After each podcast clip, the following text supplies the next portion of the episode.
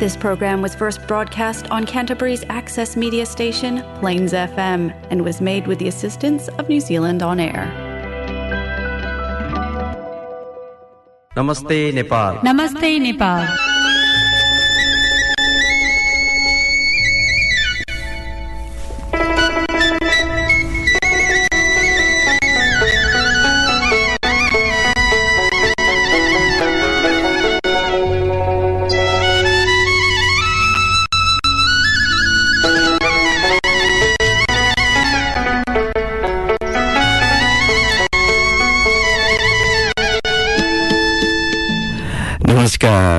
Plains FM ninety six point nine मेगाजमा यो हो क्राइसिसवासी नेपालीहरूको आफ्नै कार्यक्रम कार्यक्रम नमस्ते नेपाल।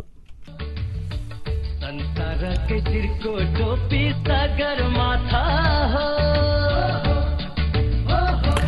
हजुर श्रोता Nepal New Zealand Friendship Society क्यान्टबरीको प्रस्तुति कार्यक्रम नमस्ते नेपालको एक अर्को अङ्कका साथ यहाँहरूको घर आँगन रेडियो सेटमा सधैँ चाहिँ म विनोद उपस्थित भइ नै सकेको छु।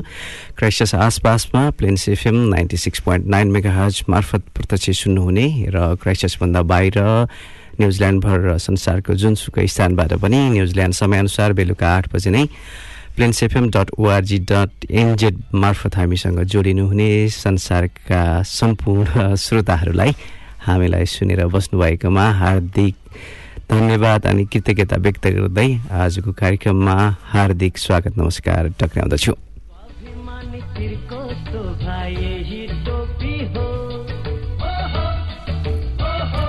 हजुर श्रोताहरू कस्तो हुनुहुन्छ? के गर्दै हुनुहुन्छ? मौसम त ठाउँअनुसार अलग अलग नै हुन्छ। यहाँ पनि दुई चार दिनदेखि पानी परिरहेकोले अलिकति चिसो महसुस हामीले गर्दै गर्दा नेपालमा पनि पानीले अलिकति वितण्डा मचाएको र दुःखद अवस्थामा पुगेको बाढी पहिरो र डुबानका खबरहरू पनि हामीले थाहा पाइ नै सकेका छौँ। वर्षा महिना सुरु हुँदै गर्दा आएको बाढी पहिरो र डुबानका खबरले मेलम्ची हेलम्बु क्षेत्रका धेरैको घरबास उठाएको छ भने जीवधनको यो क्षति त्यसका विभिन्न स्थानबाट आएका खबर दुःखद खबरहरूसँग जोडिएका छन्। श्रोता यसै क्रममा आधा दर्जन नेपालीको दुःखद मृत्यु भइसकेको छ भने तीन दर्जनको आसपासमा बेपत्ता भएका खबरहरू छन्। त्यस्तै विभिन्न स्थानबाट केन्द्रीकृत रूपबाट आउने सूचनाहरूको आधारमा यी सङ्ख्याहरू तलमाथि हुन सक्छन्। हामी यस्तै अप्ठ्यारोमा यी खबरहरू प्रति नजर लगाएर बसिरहेका छौँ। बाढी पहिरो र डुबानको श्रव्य दृश्य हेरिसकेपछि त यहाँहरूलाई पनि यसरी यी शब्दहरू धेरै थोरै पर्नेछन् कि त्यसको त्यस प्रकारको भौगोलिक विपदले ल्याएको अवस्थाको बारेमा वर्णन गर्नका लागि। श्रोता यो सबै सङ्कटको मूल मुख्य कारण भनेको जलवायु परिवर्तन नै हो भन्ने खालका निष्कर्षहरू पनि आउन थालेको छ। जलवायु परिवर्तनको असर कतै अतिवृष्टि हुन्छ भने कतै अनावृष्टि हुन्छ। अनावृष्ट हुँदा अनावृष्टि हुँदा खडे खडेरी लाग्छ भने अतिवृष्टि हुँदा पहिरोको जोखिम पनि हुन्छ। अहिले हामीले बर्खा मास सुरु हुँदै गर्दाखेरि यस्तै अप्ठ्यारो महसुस गरि नै सकेका छौँ। अर्कोतर्फ कुनै ठाउँमा ठुलो दैवी विपत्ति भयो भने राज्य पक्ष दाल चामल र चाउचाउ बिस्कुट बोकेर पुग्दछन्। तर विपत्तिका स्रोत पहिले आएर निराकरण गर्न कहिले अग्रसर भएको देखिँदैन। सरकार धेरै फेरिए विपद व्यवस्थापनको यो शैली भने कहिल्यै फेरिएन। विपत्ति पीडितलाई सामान्य राहत बाँड्नु नै यसको परिभाषा जस्तो बनेको छ। विपद व्यवस्थापन सम्बन्धी सरकारका केन्द्रमै आधा दर्जनभन्दा बढी संयन्त्रहरू छन्। तिनीहरू बीचको न समन्वय छ न त सक्रियता नै अहिले पछिल्लो पटक यस्तै महसुस गर्न थालिएको छ। त्यस्तै श्रोता कोरोनाको सङ्क्रमण पनि हाम्रो जोखिमकै क्षेत्रमा परिरहेको छ। सङ्क्रमणको दोस्रो लहर बिस्तारै घट्न थालेको देखिएको छ नेपालमा। तर सङ्क्रमणको ग्राफ ओह्रालो लागेसँगै स्वास्थ्य संस्थाहरूमा सङ्क्रमित सङ्क्रमित बिरामीले सहज रूपमा बेड अक्सिजन आइसियु आइसियु अनि भेन्टिलेटर पाउन थालेका खबरहरू आउन थालेका छन् तर अप्ठ्यारोमा परिरहेका खबरहरू पनि उस्तै हिसाबले आइ नै रहेका छन्। डेढ महिनादेखि गरिएको निषेध निषेधाज्ञाले पनि अपेक्षा गरे जस्तो सङ्क्रमण मृत्यु दर नघटेको जनस्वास्थ्य विज्ञहरूको निचोड पाइरिसकेको छ। डेढ महिनादेखि निरन्तर निषेधाज्ञाको बावजुद पनि सङ्क्रमणको चेन ब्रेक हुन नसकेको उनीहरूको भनाइरहेको छ। श्रोता आइतबार मात्र दुई हजार चार सयभन्दा बढीजना मा सङ्क्रमण पुष्टि भइसकेपछि यो चेन ब्रेक हुन नसकेको कुरालाई थप पुष्टि गर्नै त्यति गाह्रो हुँदैन। त्यस्तै श्रोता कोरोना भाइरस कोभिड उन्नाइसबाट स्वास्थ्य कर्मीहरूको पनि निधन भएको दुःखद अवस्था छ। तिन सय नौ दिन चले दिनसम्म चलेको कोरोना भाइरसको पहिलो छालमा बाह्रजना र दोस्रो छालमा झन्डै सत्ताइस स्वास्थ्य कर्मीको निधन भएको दुःखद अवस्था छ यो नेपालको खबर। श्रोता यो अघिल्लो वर्षको अनुपातमा दोब्बर बढी मृत्यु हो। हालसम्म आठ हजार आठ सय नौ स्वास्थ्य कर्मीहरू कोरोनाको सङ्क्रमणमा परिसकेका छन् भने सङ्क्रमित हुने दुई हजार दुई सय बयानब्बे चिकित्सक र छ हजार पाँच सय सत्रजना अन्य स्वास्थ्य कर्मीहरू रहेका छन्। नेपालमा नौ माघ दुई हजार छिहत्तरमा पहिलो कोरोना सङ्क्रमित पुष्टि भए यता निरन्तर सङ्क्रमण देखिरहेको छ। हालसम्म तिन लाख उनासत्तरी हजारभन्दा बढी पुरुषहरू र दुई लाख सैँतिस हजारभन्दा बढी महिलाहरूमा कोरोना सङ्क्रमण देखा परेको छ। पाँच लाख सत्ताइस हजारभन्दा बढी निको भएर घर फर्किसकेको सुखद खबर छ भने यो दर झन्डै सतासी प्रतिशत रहेको छ। हालसम्म कोरोनाबाट आठ हजार तिन सयभन्दा बढी नेपालीहरूको दुःखद निधन भइसकेको मृत्यु भइसकेको दुःखद अवस्था पनि छ भने अझै एक हजार दुई सय छजना सघन उपचार कक्षमा हुनुहुन्छ। श्रोता यसरी आजको कार्यक्रममा कोरोना अनि बाढी पहिरोको डुबानका अवस्थाहरूको विषयको साथसाथमै आजको नमस्ते नेपालको कार्यक्रमलाई उठान गरि नै सकेको छु। कार्यक्रममा हरेक खालका सब खबरहरू जोड्ने हाम्रो इच्छा पनि हुन्छ। रहर पनि हुन्छ। सधैँ हामीले चाहेका खबरहरू हामी यहाँहरूलाई दिन सक्दैनौँ। त्यो अप्ठ्यारो यो यस्तै भौगोलिक विकटता अनि भौगोलिक अवस्थाहरूलाई झल्काउने खालको यो बाढी पहिरो र डुबानका खबरहरू पनि हामीले यहाँ समु समेट्नुपर्ने हुन्छ। अब यी खबरहरू उठाइसकेपछि म एउटा फेरि साहित्यिकसँग जोडिएको विशेष गरी पारिवारिक महत्त्व अनि बाबा आमाको विषयमा लेखिएका कति कथा कृतिहरू साहित्यका विभिन्न विधाहरूमा पनि हामीले अध्ययन अध्यापन गरिसकेका छौँ। त्यसमा पनि पछिल्लो पटक यो बाबाको विषयमा लेखिएका यो रचना म दुर्गा भट्ट कञ्चनका शब्दहरूलाई सापट्टि लिएर यहाँ प्रस्तुत गर्न लागिरहेको छु। पपुवा न्युगिनीमा रहनुभएकी दुर्गा भट्ट कञ्चनको बाबा शीर्षकको यो रचना यसरी सुरु हुन्छ। आकाश बनी छहारी दिने बाबा आकाश बने छाहारी दिने बाबा मौसम अनुसार बदली दिने बाबा कर्तव्य बेरिएर सारा सपना पुरा गरिदिने सन्तानका कुबेर हुन् बाबा आफू भोकै बसेर पनि सन्तानको पेट भरिदिने बाबा आमाको सिउँदोको सिन्दुर र गलाको मङ्गलसूत्र हुन् बाबा घरको छत हुन् परिवारको दरिलो खम्बा हुन् बाबा। आकाश बनी छहारी दिने बाबा मौसम अनुसार बदली दिने बाबा। दुर्गा भट्ट कञ्चनजीलाई धेरै धेरै धन्यवाद उहाँको यो रचना उपलब्ध गराइदिनु भएकोमा। हामी विदेशमा बस्नेहरूका लागि बाबा आमाहरूको माया अनि यस्ता खालको आधारहरू हामीले एकअर्कामा विनिमय गर्न नसक्ने अलिकति अप्ठ्यारो अवस्थामा हुन्छौँ। तैपनि हाम्रा माया र ममताका ती भावनाहरू उस्तै छन् उस्तै नै रहेका छन् भन्ने आवाज दिलाउन यहाँबाट पनि सजिलो हुन्छ जस्तो लाग्छ। सबैलाई यस्तै खालको परिवेशमा छौँ भन्ने हुँदाहुँदै दुर्गाजीको यो कविता यो भावना पनि आजको कार्यक्रममा प्रस्तुत गरिसकेपछि बाबुसँग नै जोडिएको यो गीत आजको नमस्ते नेपालमा यहाँहरूको लागि प्रस्तुत गर्दैछु।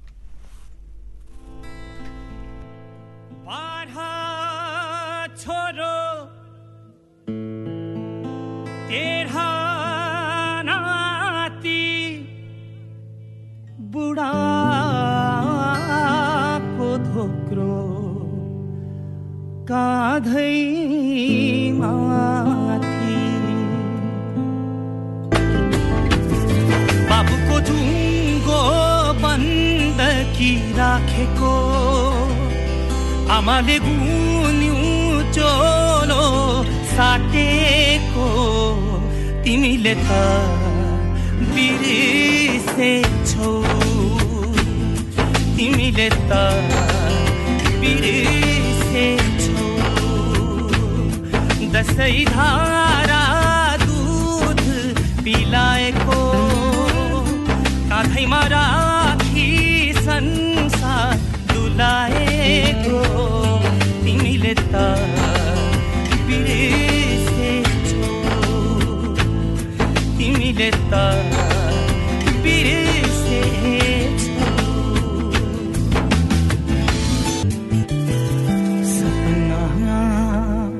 खरानी दिपनी बनी हाल्यो सपना खरानी खरानी दिपनी बनी हाल्यो बिरानी बुढाको लाठी नि आमाको छाती नि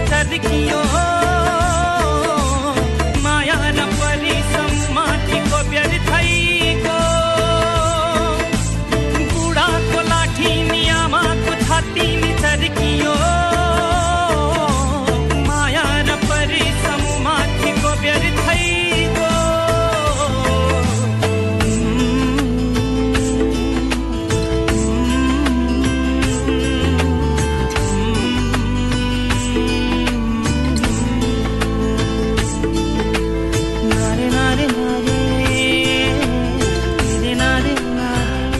हजुर श्रोता परिवार र बुवा आमादेखि टाढा रहे पनि हामीले आफ्नो कर्तव्य र जिम्मेवारी बिर्सिएका छैनौँ। हाम्रा बुवा आमाहरूलाई यस्तै खालको सन्देशहरू पुगोस् जस्तो पनि लाग्छ।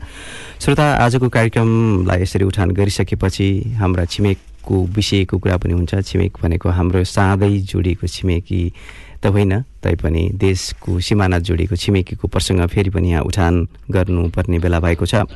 हुन त भारतको बलमिचाइको विषयमा हाम्रा धेरै चित्तहरू दुखेका छन् आक्रोशहरू पनि छन्। अब लिपुलेक लिम्पिया धुराका कुराहरू पनि बेला बेलामा आइ नै रहेका हुन्छन्। कहिलेकाहीँ हामीहरूलाई अप्ठ्यारो गर्ने गरी हुने गरी भएका नाकाबन्दीका कुराहरू पनि छन्। तैपनि अहिले पछिल्लो पटक हामीले भन्दा पनि भारतका पूर्व विदेश सचिव शिवशङ्कर मेननले सन् दुई हजार पन्ध्रमा भारतले नेपालमाथि लगाएको नाकाबन्दीप्रति कडा टिप्पणी गर्दै त्यसलाई कुरूप छिमेकी कुटनीतिको प्रतीक भनेर भनेका छन्। मेननको हालै प्रकाशित India and Asia geopolitics नामक पुस्तकमा नेपालको संविधान सभाले पारित गरिसकेको संविधानमा समेत परिवर्तन गर्न भारतले सार्वजनिक रूपमै दबाब दिएको र त्यसमा भारत पूर्ण रूपबाट असफल दिएको समेत उल्लेख गरेका छन्। अब यो पूर्व स विदेश सचिव शिवशङ्कर मेननकै प्रसङ्ग यसरी जोडिँदै गर्दाखेरि भारतको बलमिचाइको पछिल्लो उदाहरण पनि यहाँ प्रस्तुत गर्न चाहे। महाकाली नदी तटीय क्षेत्रमा भारतबाट भइरहेको खबर पनि आइरहेको छ। तटीय क्षेत्रमा अतिक्रमण भइरहेको खबर पनि बाहिरको लगभग यहाँहरूलाई पनि थाहा भइ नै सकेको कुरा हो। नेपाली भूमि कालापानी लिपुलेक क्षेत्र अतिक्रमण गरी निर्माणाधीन धारचुला लिपुलेक सडक विस्तारका क्रममा चट्टान खसेर दार्चुला ब्यास गाउँपालिका दुई दुम्लिङ कन्जु जोड्ने नेपालतर्फको बाटो भत्किएपछि गृहले सीमा क्षेत्रमा भएका यस्ता गतिविधि रोक्नका लागि कुटनीतिक माध्यमबाट पहल गर्न सुझाएको भए पनि हाम्रा कुटनीतिहरू अलिकति धेरै सुस्त र अस्तव्यस्त रूपमा अगाडि बढ्छ हामीले महसुस गरेकै कुरा हो। वर्षौँदेखि कचल्टिएर रहेको नेपाल भारत सीमावर्ती मामिला र त्यसैको बानामा बन्ने गरेका कार्यदल समिति वा संयन्त्र बैठकले अहिलेसम्म दिन नसकेको निचोडमाथि टेकेर भारतले सीमा क्षेत्रमा गर्ने थिचोमिचोको व्यवहार अब खुला रहस्य चाहिँ बनिसकेको छ। दुई देशबीचका मुद्दाहरू त्यस्तै था थाती रहने प्रबुद्धहरूको प्रतिवेदन व्यवस्थाको शिकार बन्ने र नेपाली भूमिमाथि र नेपाललाई मर्का पर्ने गरी भारतले बलमिचाइ जारी राख्ने सिलसिलाको पछिल्लो दृष्टान्त मात्र हो। महाकाली नदीको धार नै परिवर्तन हुने गरी एकतर्फी रूपबाट बनाइएको पूर्वाधार। श्रोता यसरी हाम्रा सिमानाहरू अतिक्रमणको अवस्थामा रहेका छन्। हाम्रा प्राकृतिक विपदको अवस्था पनि छ सङ्क्रमणको अव- अवस्था पनि छ कोरोनाको। हामी यस्तैमा जुट्दै गर्दा राजनीतिक गतिरोध पनि एकातर्फबाट रहिरहेको हुनाले हामीलाई थिचोमिचो गर्नेहरूलाई पनि अलिकति सजिलो भएको महसुस हामीले गरिरहेका छौँ।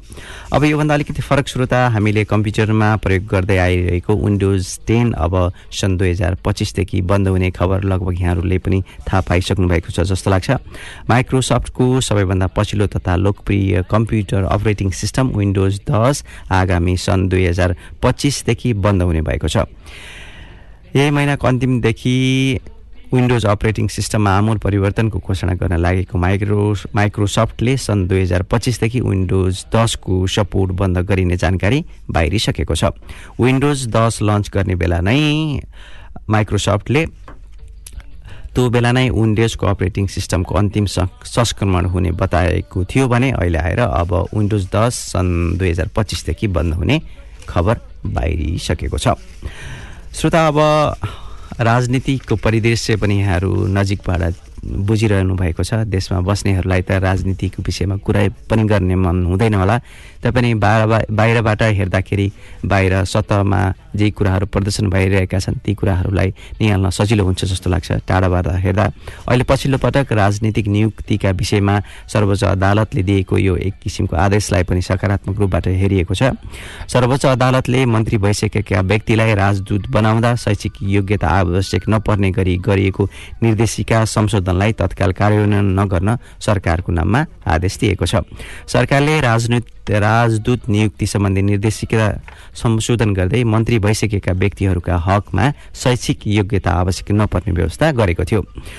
तर श्रोता निर्देशिकामा राजदूत हुनका लागि पैँतिस वर्षको उमेर पुरा भएको र स्नातक तह उत्तीर्ण भएको हुनुपर्ने व्यवस्था गरिएको छ। श्रोता यसरी यो खबरहरूको क्रम मैले यहाँ जोडि नै सकेको छु। अब यहाँहरूलाई फेरि पनि एउटा साङ्गीतिक कोसिलो कोसिली यो बिचमा अलिकति प्रस्तुत गर्न चाहन्छु। त्यसपछि बाँकी रहेका खबरहरूका साथ फेरि पनि प्रस्तुत हुनेछु। अहिले नै भने यो गीत यहाँहरूको लागि प्रस्तुत गर्दैछु। कोही कोहीको त रूपले पनि के के गर्छ गर्छ।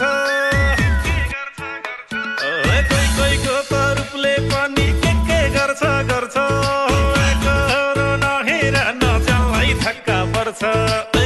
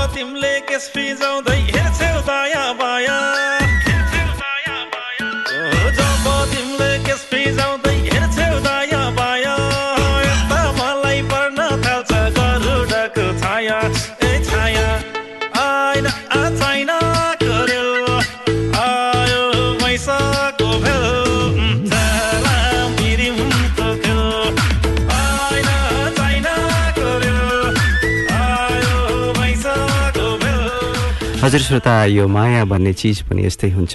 त्यसैले मरिजाने जिन्दगीमा आफूले सक्ने तरिकाले सबैलाई माया गर्दा सद्भाव र आदर गर्दा हाम्रो खेर के नै जान्छ जस्तो लाग्छ। यस्तै खालको गीत गीत सङ्गीतमा पनि वास्तविकताहरू मिसिएको छ। चाइनाको रेलको विषय पनि कुरा छ। हुन त हामीले रेलको विषय त हुन लागिरहेको छ। हुन त अहिले श्रीनगर अहिले जनकपुरको क्षेत्रमा पनि अब रेल चाँडै नै सुरु हुन्छ भन्ने खालका खबरहरू पनि पढ्न पाएका छौँ। तर चढ्ने त कहिले हो? गीत पनि हामीले अहिले सुनि नै सकेका छौँ। श्रोता Nepal New Zealand Friendship Society क्यान्टबरीको प्रस्तुति। कार्यक्रम नमस्ते नेपालको। यो बेलुका आठ बजीदेखि सुरु भएको आजको यात्राको लगभग उत्तरार्धमा प्रवेश गरि नै सकेको छु। श्रोता नेपाल न्युजिल्यान्ड फ्रेन्डसिप सोसाइटीले पनि विभिन्न खालका कार्यक्रमहरू गरिरहेको छ। अस्ति भर्खर राष्ट्रिय आविष्कार केन्द्रको सहयोगार्थ हामीले साङ्गीतिक कार्यक्रम पनि प्रस्तुत गरिसकेका छौँ र त्यो पछि हामीले सहयोगको रकम पनि हस्तान्तरण गरिसकेका छौँ।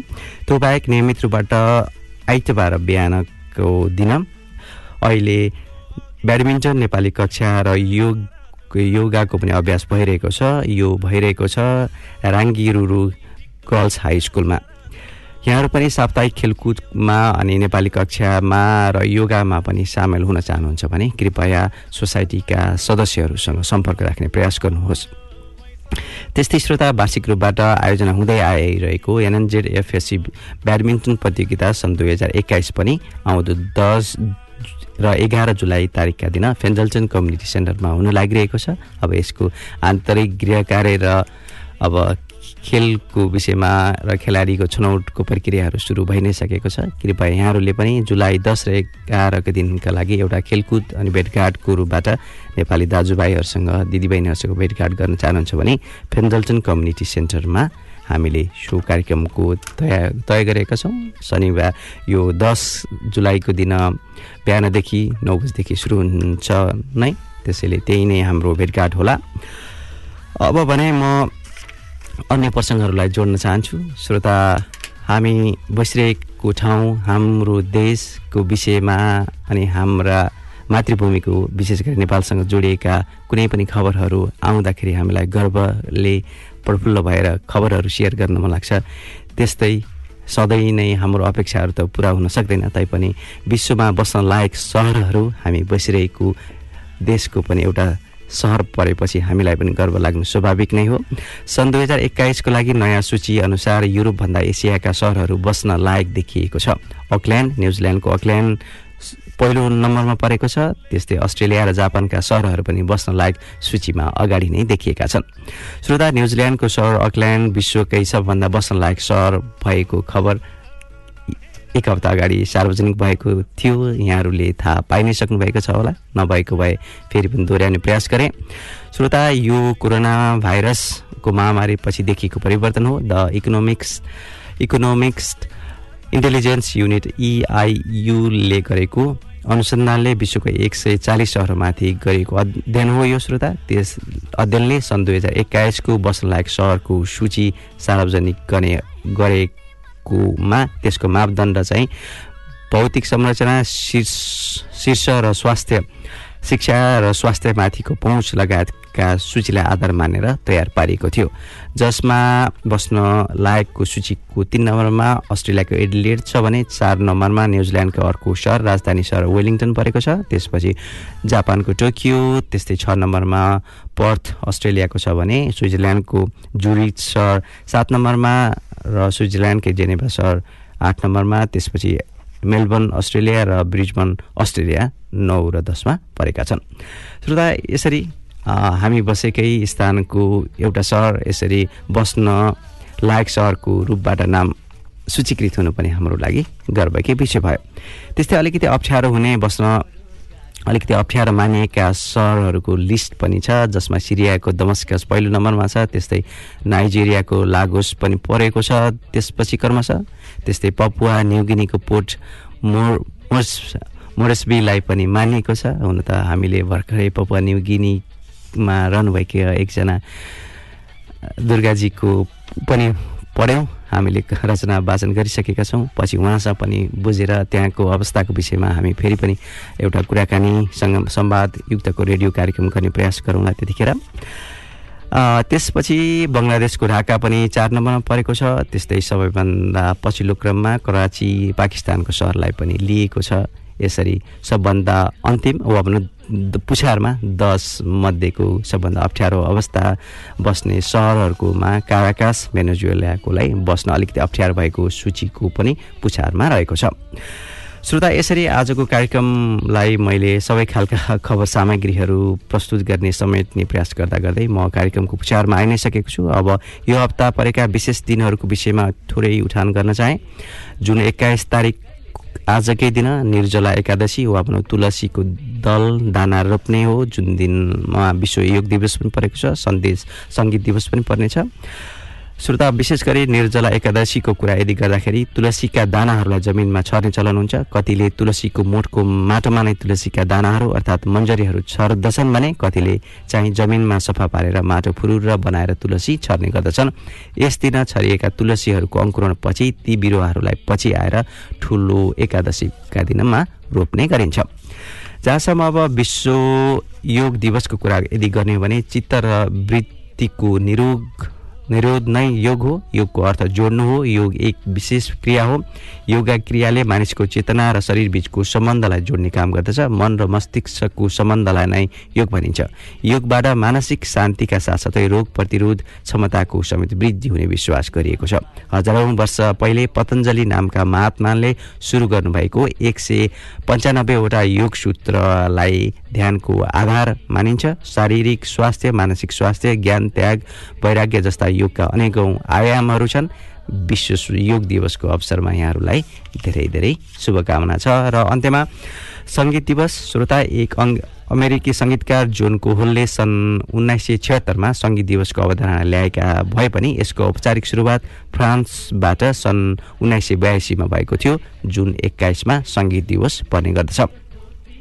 पहिलोपटक सन् उन्नाइस सय एकासी जुन एक्काइसमा फ्रेन्च कलाकार मौरिसियस फ्लेरटले को र उनको सोचअनुसार फ्रान्समा यो दिवस मनाइएको थियो। त्यस यता हरेक वर्ष जुन महिनाको एक्काइस तारिकका दिन विश्व सङ्गीत दिवस अर्थात् ओल्ड म्युजिक डे मनाइँदै आएको छ। सङ्गीत एउटा विश्वव्यासी व्यापी भाषा हो जसले संसार जसलाई संसारले आफ्नो तर्फहरूले प्रस्तुत गर्दै र बुझ्दै आएका छन्। बहुजाति भाषा धर्म अनि संस्कृति भएको नेपालमा त झन् न्याउली रुँदा होस् या भन्यौँ मुर्चुङ्गाको कम्पन निस्कँदा आउने मौलिक धुन होस् सङ्गीत आफ्नो हाम्रो संस्कार अनि सभ्यता मार्फत प्रशस्तै सुन्न पाइन्छ। मादल सारङ्गीदेखि धेमेसम्म ढोलकदेखि टुङ्गनासम्म अनि बाँसुरीदेखि बिनायोसम्म नेपाली सङ्गीत सिर्जनाहरूमा नेपाली मौलिकता थप्ने बाजाहरू हुन्छन्। श्रोता यो सँगसँगै आजको कार्यक्रममा अब भने म बिदा मागेर जाने बेला भएको छ। जुन एक्काइस अर्थात् सन् दुई हजार एक्काइसको सबैभन्दा लामो दिनको यो कार्यक्रम पनि यहीँ आएर छुट्याउनु पर्ने भएको छ र आजको कार्यक्रम सुनेर साथ दिनुभएकोमा यहाँहरू सम्पूर्ण श्रोताहरूलाई हृदयदेखि नै धन्यवाद दिँदै आउँदो साता सोमबार र यस कार्यक्रमको पुनर्प्रसारण बिहिबार बेलुका आठ बजीसम्मका लागि म विनोदलाई पनि आज्ञा दिनुहोस्। नमस्कार शुभरात्रि। यहाँ